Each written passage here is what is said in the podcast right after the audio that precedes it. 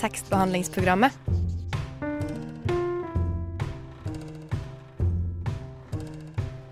Tekstbehandling på radio.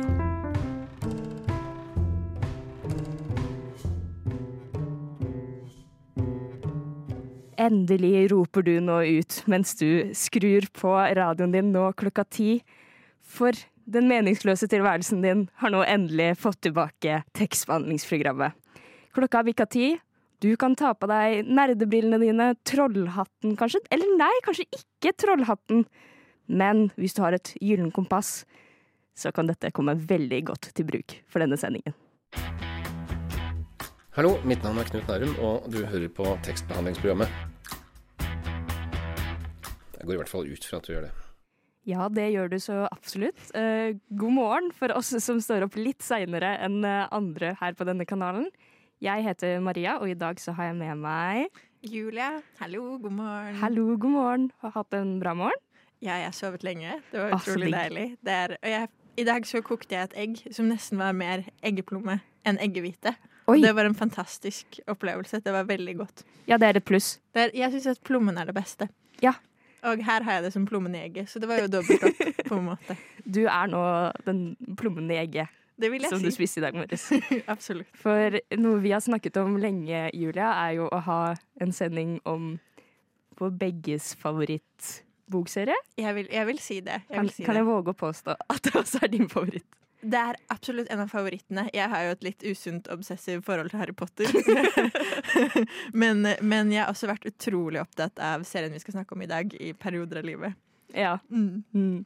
Vi skal jo da snakke om His Dark Materials. Mm. Vi skal nerde den kommende timen, men vi skal også prøve å åpne opp eh, for deg som ikke er så kjent med universet. Prøve å forklare litt. ok, Hva er dette her? His Dark Materials. Litt tung tittel, kanskje. Eh, Men du sa at du, har hatt tidligere forhold, holdt jeg på å si, til Tidligere serien. forhold. Tidligere forhold. Du har Nå en eks.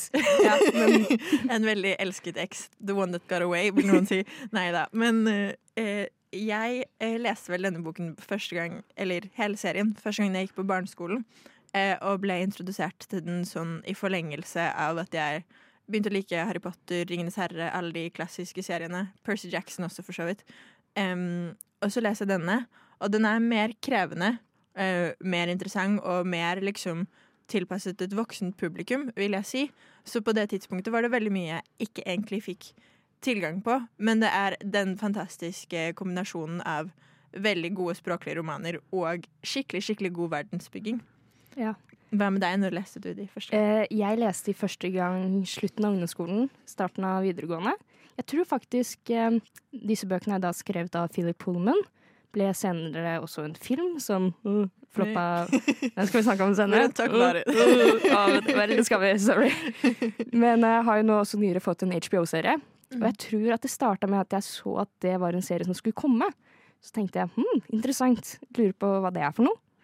Plukka opp bøkene, og vips, så er vi her. Og jeg har tatt med Dere lyttere ser det selvfølgelig ikke. Eh, Julia og jeg deler nå en sånn stor bokbunke, hvis det er noe man kan si, av Vi ser bøker. hverandre nesten ikke, fordi det er en sånn bøker, stabel som skiller oss eh, her i studio, eh, som Maria har tatt med seg. Heldigvis bor du ikke så langt unna. Så så. Også kjent som hele mitt eh, stipend. Aha, det forklarer et eller annet. Eh, Men ja, vi sa jo at det også er en film, og den tror jeg de fleste er litt bedre kjent med. Mm. His Dark Materials heter da Den mørke materien på norsk. Eh, Og første bok, som på i England heter Northern Lights, fikk navnet The Golden Compass i USA. Mm. Det ble også navnet på denne filmen fra 2007. Det stemmer, 2007. Ja, Mm. med Daniel Craig, mange kjente fjes. Gjorde det ikke så bra, men hvis jeg sier 'snakkende isbjørner', da er det nok en ringe som gjelder i mange hoder. Mm. Jeg føler det, det gylne kompasset Det er noen veldig sånn eh, eh, ikoniske ting ved, ved første bok og ved serien som, som man biter seg merke i. Både den bjørnen, panserbjørnen, som Mm. er veldig kjent, eh, men også det gylne kompasset, nordlyset, og at det starter det, hele starter jo på Jordan College i Oxford, Mm. som også er sånn Det går jo veldig godt overens med den dark academia-trenden, holdt jeg på å si. Eh, det er en estetikk og en verden som er utrolig innbydende. Mm. Ja, det, Dark Academia er et veldig godt ord for hvor vi skal bevege oss rundt i dag, Mm. rett og slett. Eh, Vi skal introdusere deg til eh, denne fantastiske serien og fortelle deg litt mer om hva den handler om. Fuck yeah, bro! Jeg hører på tekstbehandlingsprogrammet. Radio nå. In a world where, where your soul is manifest Nei, vet du hva, jeg klarer ikke å stå i det. Det blir altfor vanskelig. Skal jeg ta over? Ja, Jeg syns du skal ta over. Okay. Chapter 1 The Decanter of Tokai. Lyra and her demon moved through the darkening hole, taking care to keep to one side out of sight of the kitchen. The three great tables that ran the length of the hall were laid already, the silver and the glass catching what little light there was, and the long benches were pulled out, ready for the guests. Wow. Det Julia leste der nå, det var eh, de to første linjene i første kapittel av første bok av His Dark Materials, som vi snakker om i dag. Der fikk vi nevnt eh, blant annet Lyra. Og Lyra er da vår hovedkarakter som vi følger. Hun er foreldreløs, selvfølgelig, som så mange fantasy-hovedkarakterer er. er. seg høre bør. Som seg høre bør. Skal ikke ha foreldre. Absolutt ikke. Eh, hun bor da på Jordan College i Oxford, og får sporadisk besøk, kan man si, av sin onkel lord Asriel. Oftest når han føler for det, og ikke så ofte som Lyra, Lyra gjerne skulle ønske at hun fikk besøk. Eh, Men på ett besøk, som vi åpner boka med her, så presenterer lord Asriel eh, en ny oppdagelse for professorer ved universitetet. Nettopp dette her eh, dust, som de kaller det. Mørk materie, som vi kanskje kjenner det til. Lyra får med seg dette her og blir veldig fascinert av det. Hun lurer på hva dette dust er, og vi følger Lyra med på en reise av oppdagelser, både om hennes egen familie og verdens store mysterier. Hun reiser også gjennom forskjellige verdener. Altså dette er et univers hvor vi eh, utforsker forskjellige universer, faktisk. Og Lyra kommer jo fra eh, et univers, en verden både lik, men også ulik vår egen. Og i vår verden, som hun etter hvert kommer til, møter hun karakteren Will. Som også er en, eh, jeg vil si hovedkarakter nummer to. Hva tenker du, Julie? Absolutt. Det er, um, det er Lyra vi møter først, men Will blir vi jo eh, bedre kjent med i bok to, Mm. der det, den åpner med, med hans fortelling. Um, han har jo Han har også Faren hans er død, eller det er det de tror, i hvert fall. Um, og han bor med sin litt psykisk syke mor, eller ganske psykisk syke mor, som han tar vare på. Og vi ser hvordan hans liv, akkurat som Lyras, plutselig endrer seg veldig mye. Eh, og så får det han til å også begynne å reise mellom disse verdenene. Og det er her de treffer hverandre. Og veldig mye av bøkene etter det handler om den rollen de spiller i liksom det de kaller skjebnen, eller liksom universet. Eh, og em, ja, de har, de har begge to veldig, veldig viktige roller, og spesielle egenskaper, da. Ja, For Lyra har jo en ganske spesiell skjebne, sånn som du sa. Hun hører jo til noe Vi kan i hvert fall si at eh, dette universet Lyra hører til, er veldig autoritært. Religiøst. Mm. eh, Og mange tror at Lyra hører til en slags, som man sier på engelsk som jeg ikke husker på norsk, prophecy. Mm. Profeti. En profeti, rett og slett. Hva er det den egentlig handler om? Den, eh, det er jo, I boken så er det mye heksene som snakker om denne profetien. Um, heksene er en av gruppene i dette universet, som er både kunnskapsrike og, og mektige. Um, og de snakker om at det skal komme et barn som har blitt snakket om i århundrer.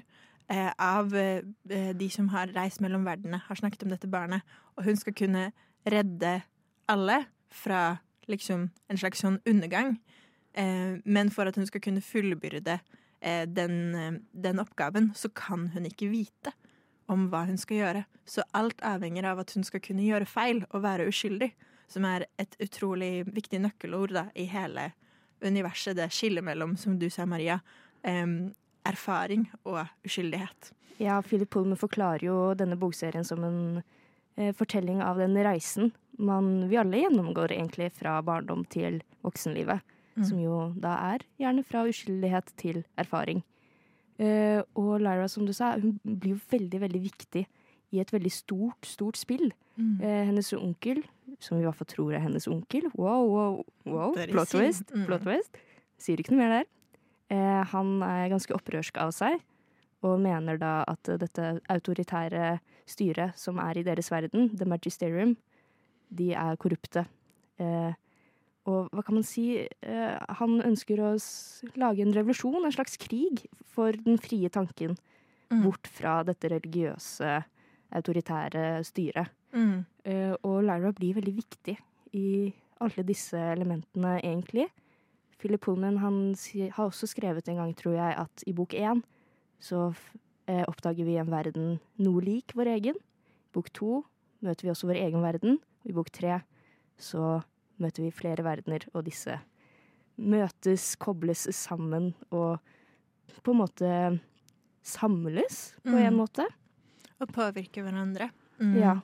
Nei, man kan jo på mange måter si at hvis, eh, hvis eh, The Magisterium, eh, som er kirken, da, eller Ja. autoriteten, vi, de kan på en måte ses på som middelalderen, på en måte. Alt er dystert, alt er kontrollert. Men lord Asriel er liksom eh, opplysningstiden manifestert. Mm. For han er viten og kunnskap eh, viktigere enn alt annet, og han er villig til å ofre alt for det. Og det er veldig mye av hans forskning da, som setter i gang hele denne endringen i deres verden, og i alle universene, da. Um, Det er ett element vi ikke har snakket om ennå, som vi må komme innom. Mm. Som jo nevnes i dette du leste på starten her. Dette med demon. Det er veldig sant. Det har vi ikke snakket om. Hva er det for noe? Demon er jo også kjempesentralt. Det er virkelig det som gjør deg menneskelig i, i Lyras verden. Um, det handler jo om at eh, sjelen din eh, den fins i et lite dyr som er Mm. med deg til enhver tid. Og fram til du når puberteten, så kan det dyret skifte form eh, til hvilken som helst, hvilket som helst dyr som passer det eh, til hvilket som helst tidspunkt. Men når du begynner å endre deg og finne din form som menneske, da settler også din daimon som et bestemt dyr. Det Ja. kommer vi sikkert tilbake til. Uttaler navnet ditt. de har liksom vært som en sånn derre Du hører på tekstmeldingen Marie Aubert og jeg sitter her, og du er sånn eh, Marie Bær Marie Aubert på besøk. Jeg og Eline. Marie og Bær. Hei, jeg heter Marie Aubert, og jeg elsker tekstbehandlingsprogram.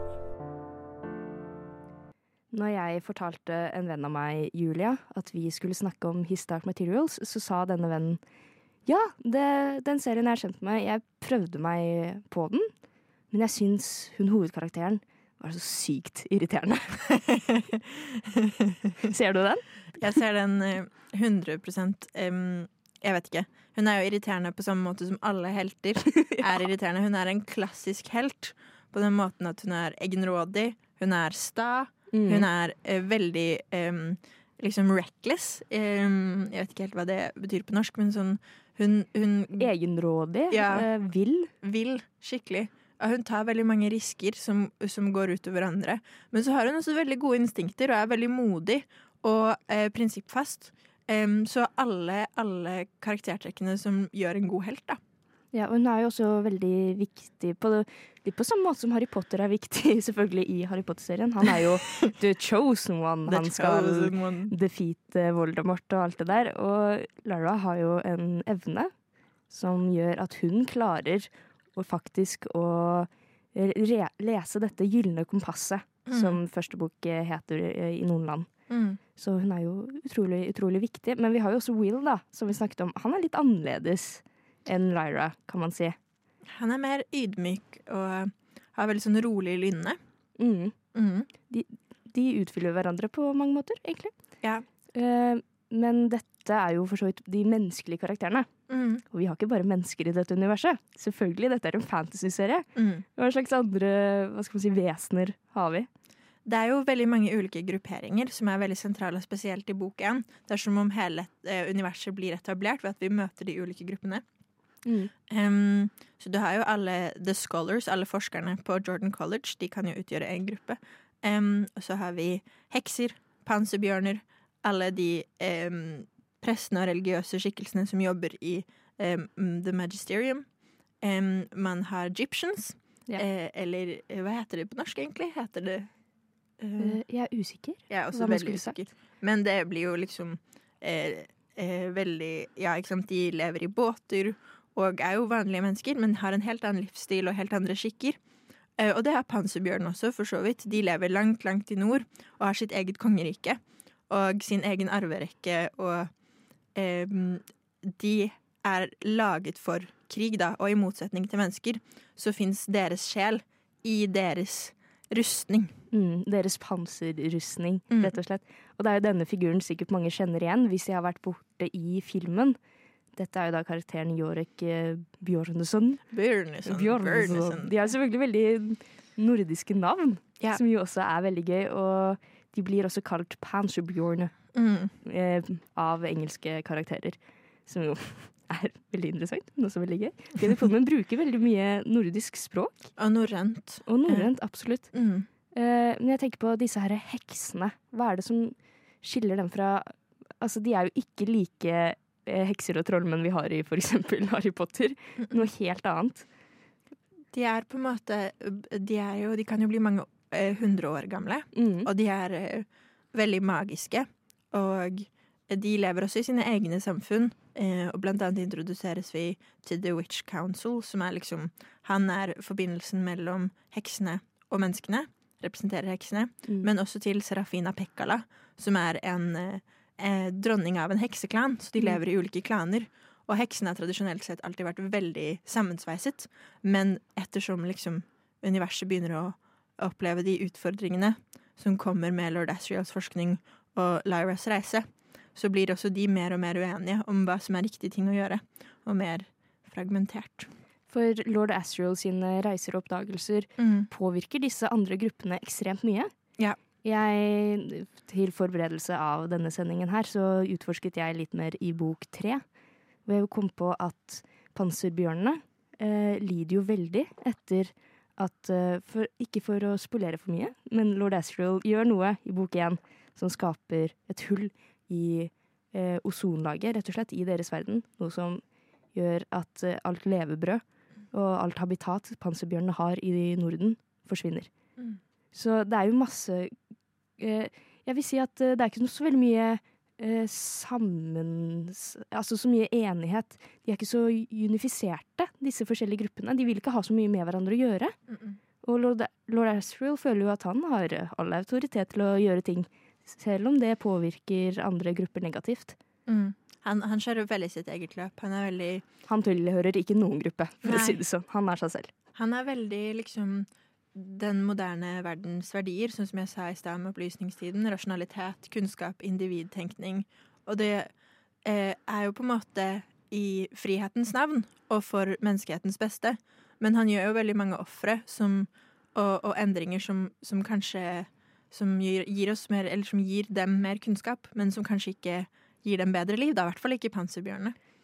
Og lord Asriel insisterer jo veldig mye på at alt eh, overtroisk og religiøst, det er bare tull. Mm. Det er bare for å styre oss mennesker og ha oss under eh, den autoritære kraft.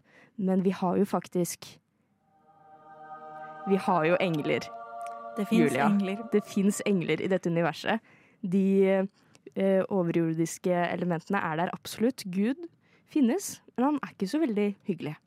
Nei, Gud er jo på en måte den kjipeste av dem alle. Han Mm. var den første engelen som, som kom til, til verden.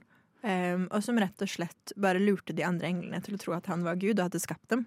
Mm. Um, så de englene blir vi kjent med etter hvert i bokserien, i andre og tredje bok mest. Ja. Um, og de er jo veldig, veldig korrupte, og uh, mye av lord Asriels kamp handler jo til slutt om å gjøre opprør mot engelen som kaller seg autoriteten, da. Den første engelen. Og noen engler bryter jo fra autoriteten og Mm. blir med lord Asriel. Blant annet eh, to karakterer som er begge engler, og også de eneste skeive karakterene i dette universet. Mm. Noe som jeg syns er litt gøy. At Philip Pullman bestemte seg for at ok, jeg skal ha to skeive karakterer. De skal være engler. de skal være guddommelige, det skal de være. Det er veldig, veldig morsomt. Um, og en annen gruppe som apropos skeivhet, holdt jeg på å si, som blir introdusert i kanskje bok tre, Mm. det er de som heter mulefaene. Eh, som er firebeinte eh, eh, dyr med hjul. Um, og de har ett bein foran og, og ett bein bak, og ett på hver side. Og så er hjulene deres sånne eh, store og runde eh, pods, på en måte, fra, fra trær. Og det er så vanskelig å se de for seg. Ja, Det det er er- de er så- snabler. Snabler har de også. De hører til en helt annen verden enn både Lyra sin og vår. Ja. Så evolusjonen som har foregått her, hvor disse dyrene plutselig har hjul, det må du spørre Philip Pullman om. Vi er fremdeles Seksmannersprogrammet. Det mest nerdete og teite programmet på Radionova. I Historic Materials så er Lyra sin ver verden Verden. Verden. Verden. Den er en mannsverden, kan man absolutt si. Men det er jo én karakter som skiller seg litt ut ved akkurat dette. Mrs. Coulter. Hvem er hun? Hun viser seg jo å være spoiler, spoiler, Spoiler, spoiler. Lyras mor. Eh, Den tidligere elskerinnen til um, lord Asriel, som viser seg å være spoiler, spoiler, Lyras far. What? What? Plot twist. Så hun er jo ikke foreldreløs likevel. Og Mrs. Coulter eh, er enke. Um, hennes mann eh, dør like etter at eh, Lyra blir født. Um, og det um, forholdet hun har til Asriel, det gjør henne helt sånn utstøtt fra samfunnet. Og likevel så klarer hun å sno sin vei inn tilbake, inn i den maktsirkelen som hennes eh, tidligere mann var en del av, nemlig magisteriumet. Eh, selve maktkjernen i hele Lyras verden. Og det er en veldig spesiell form for religion. Den, den Eller sånn, kanskje ikke egentlig, men, men er strukturen er litt spesiell, vil jeg si. Hvis det er lov å dra tråder til eh, Vatikanstaten, Ja. så kan du si at Lyras verden er Vatikanstaten. Altså hele denne verden Mm. blir styrt av en sånn eh, autoritær, religiøs eh, styresett. Mm. Og det er jo mange som har bemerket seg at det er jo en del likhetstrekk mellom den katolske kirke og magisteriumet som Philip Pullman lager. Og derfor har også veldig mange, spesielt kristelige, Mm. eh, eh, kritisert Philip Pullman og kalte eh, enhver bok en Harry Potter, som jo selvfølgelig har eh, forferdelig magi og trolldom, men denne boka her er enda verre. Fordi det er jo absolutt religionskritikk. Mm. Det kan vi ikke benekte, kan vi det? Absolutt ikke. Det er jo på en måte eh, eh, Konseptet synd er veldig i sentrum for tematikken, som vi snakket om. Skillet mellom det uskyldige og de erfarne. Og det Mrs. Coulter gjør for, for kirken og for magisteriumet, det er at hun forsker på hvordan mennesker kan unngå å bli syndige eh, ved å skille eh, dem fra daimonen sin før daimonen har fått sin eh, endelige form. Em, så hun er også en veldig veldig smart intelligent kvinne som har forsket masse på dette merkelige, denne merkelige partikkelen som kalles støv, som lord Asriel også forsker på. Og hun har utviklet metoder som hun tror da kommer til å redde menneskene fra, fra synd hvis de skilles fra daimonen sin tidlig nok. Så hun er jo ond. Ja, absolutt. Men både hun og magisteriumet tror jo at støv, altså dust, Mm. er synd. Mm. Det er kjempefascinerende. Så det er på en måte en materiell form for, for synd som voksne tiltrekker seg fra, i, liksom, fra verdensrommet. Da. Mm. Som, det er jo helt um, Det er veldig, veldig spennende å se det for seg helt sånn fysisk. Um, men lord Asriel tror jo tror ikke på det her. Han er jo antivitenskap, antiskjebne Nei, antivitenskap, sier jeg. Antireligion. Antiskjebne og veldig pro vitenskap. Mm. Så, så det blir en dikotomi mellom Lyras foreldre ved at eh, Mrs. Coulter er liksom en forlengelse og en liksom veldig sånn em, Hva skal jeg si En manipulativ og, og, og em, eksperimentell del av kirken, mens eh, lord Asriel er liksom vitenskapens Ja. Jeg tror absolutt at Mrs. Coulter er den mest komplekse karakteren jeg noen gang har fått med meg i noe som helst litterært, eh, fiktivt univers. Mm. Eh, Hun er ekstremt fascinerende og er ikke en stor del av Lyra sitt liv frem til disse bøkene starter. Der disse Mm. bøkene starter. Mm. Da er Lyra tolv år, cirka, eh, ved, ved begynnelsen av Northern Lights. Og det er først her Mrs. Coulter viser interesse for datteren sin. Mm. Og spesielt fordi, som vi har nevnt litt tidligere, Lyra er en del av en profeti. Mm. En veldig viktig profeti for veldig mange grupper i hennes verden. Spesielt heksene bryr seg veldig om denne profetien. Og denne profetien, hva er det den egentlig handler om, sånn egentlig? Hva er det Lyra er i denne profetien, egentlig? Altså, apropos religion, da. Man kan jo, man kan jo se Lyra som Eva, som skal ta en bit av, av eplet, selv om hun ikke får, får lov, em, i Edens hage. Og at det er det samme Lyra skal gjøre noe som, som forårsaker syndefallet, da. Og det er dette som lord Asriel syns er helt idiotisk. Han tror ikke på det litt engang. Tror ikke på det, og hans oppdrag er å Uh, ja, som vi har sagt, dette opprøret. Mm. Han skal rive ned Magisteriumet. magisteriumet, uh, autoriteten, alle engler. Alt skal bort, og en ny, fri verden skal komme frem. Og han finner jo ut av når han reiser gjennom forskjellige verdener, at eh, denne autoriteten finnes jo egentlig overalt. Mm. Bare under forskjellige navn. Hint, hint, Gud i vår verden. Mm. Selv om det kanskje ikke blir skrevet direkte ut, så er det det det hintes til. Og alt dette skal lord Asriel rive ned for den frie tanke. tror, vi han, tror du han får det til? Det er jo, det er jo et godt, eh, godt spørsmål. Vi kan jo på en måte Vi kan jo på en måte sympatisere med hans ønske om å rive det ned, fordi magisteriumet er jo virkelig sånn De, gjennom, de er gjennomkorrupte, og de, det gjennomsyrer alt i Lyras, Lyras verden. Så det Mm. fins jo ikke eh, frihet eller kreativitet på den måten vi innbiller oss at vi har. Men kanskje er ikke vi så frie heller i vår verden, er vel det Philip Pullman på mange måter også prøver, prøver å si. Religionen er der og, og tjener noen interesser, da. Den er ikke bare en god kraft. Mm. Lord Asriel, vi heier på deg. You have bewitched me, body and soul, and I love, and love, and love. Tekstbehandlingsprogrammet på Radio Nova. Til forberedelse for eh, denne sendingen, Julia, Mhm. så har jo du eh, for første gang sett eh, TV-serien til His Dark Materials. Jeg har nesten sett hele sesongen, noe som har gått litt på bekostning av bachelorskrivingen min. Prioriteringer. Jeg hadde andreutkast-innlevering samtidig som jeg oppdaget at sånn, den, den serien her er jo utrolig bra. Mm. Um, og jeg pleier ikke å bli så fanget av serier, men den her er skikkelig tro til boka på veldig gode mot måter. Den eh, manus eh, kopierer ofte replikkene i boka, eh, og når den avviker fra boka, så tar den eh, de veldig spennende perspektivene til andre sentrale karakterer. Og det er skikkelig god produksjonsdesign og kjempefin musikk. Det er så bra laget. Det er jo verdt å nevne at det er HBO som er produksjons produksjonsselskapet her. Ja, og BBC. Det er de de er produsert for. Da- Så det, da er man jo safe, som du sa. Man er i trygge hender. Å, jo. Fordi vi kan jo si at vi alle er litt traumatisert etter den filmen de lagde. Ja, den filmen som Hvis man så vidt har hørt om Mm. denne bokserien, så har man kanskje først og fremst fått med seg denne filmen fra 2007-ish, med Mhm. Daniel Craig. Mange kjente fjes. Den, Nicole Kidman, faktisk. Nicole Så det var litt stjernekast. Det var litt synd at det floppa så forferdelig. ja, den fikk jo ikke noe oppfølgere. Nei. Kan man trygt si. Gjorde det ikke noe særlig bra. Hva, hva var det den filmen gjorde gærent, egentlig? Jeg tror bare alt var ganske wack, altså. Eller sånn Det var ikke Eller It was wack. It sucked. Nei, men eh, ikke nødvendigvis produksjonsdesignet, men det var dårlig skuespill, dårlig manus, dårlig dramaturgi, alle tingene som på en måte må være på plass hvis fantasyfilmer skal funke.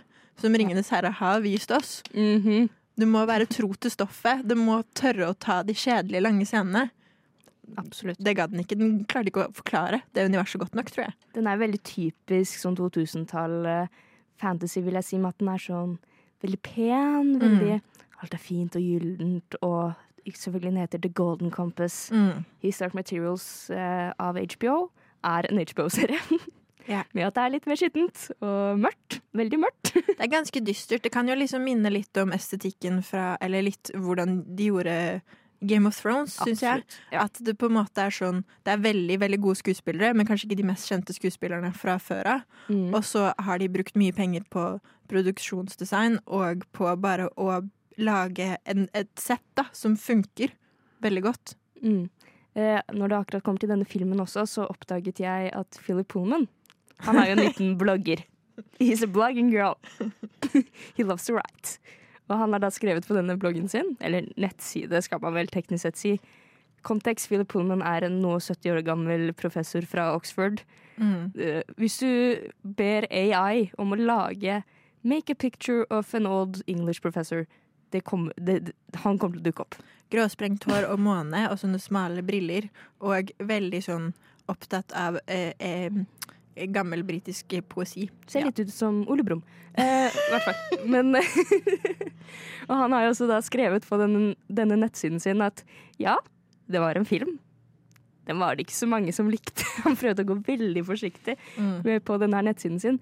Så jeg tror det er ganske ærlig Mm. å si at hvis du vil utforske dette universet, men ikke kanskje vil starte med bøkene, det virker litt tungt, så vil jeg anbefale serien over filmen. Hva tenker Mm. du, Julia?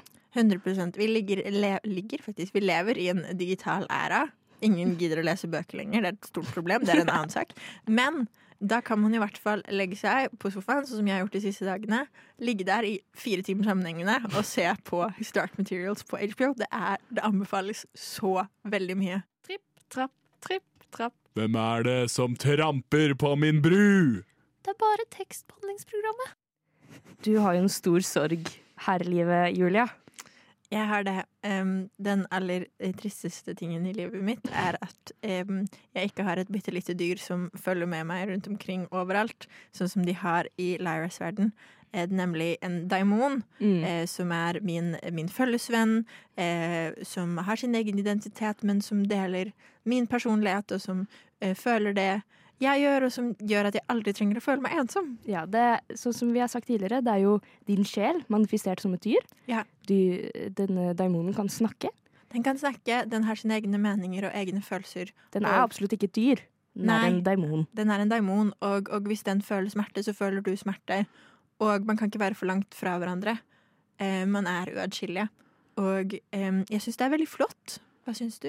Ja, jeg er helt enig, og det som er veldig gøy i dette universet, er at hvilken daimon eh, du får til slutt, altså etter puberteten, sier mm. veldig mye om deg som person.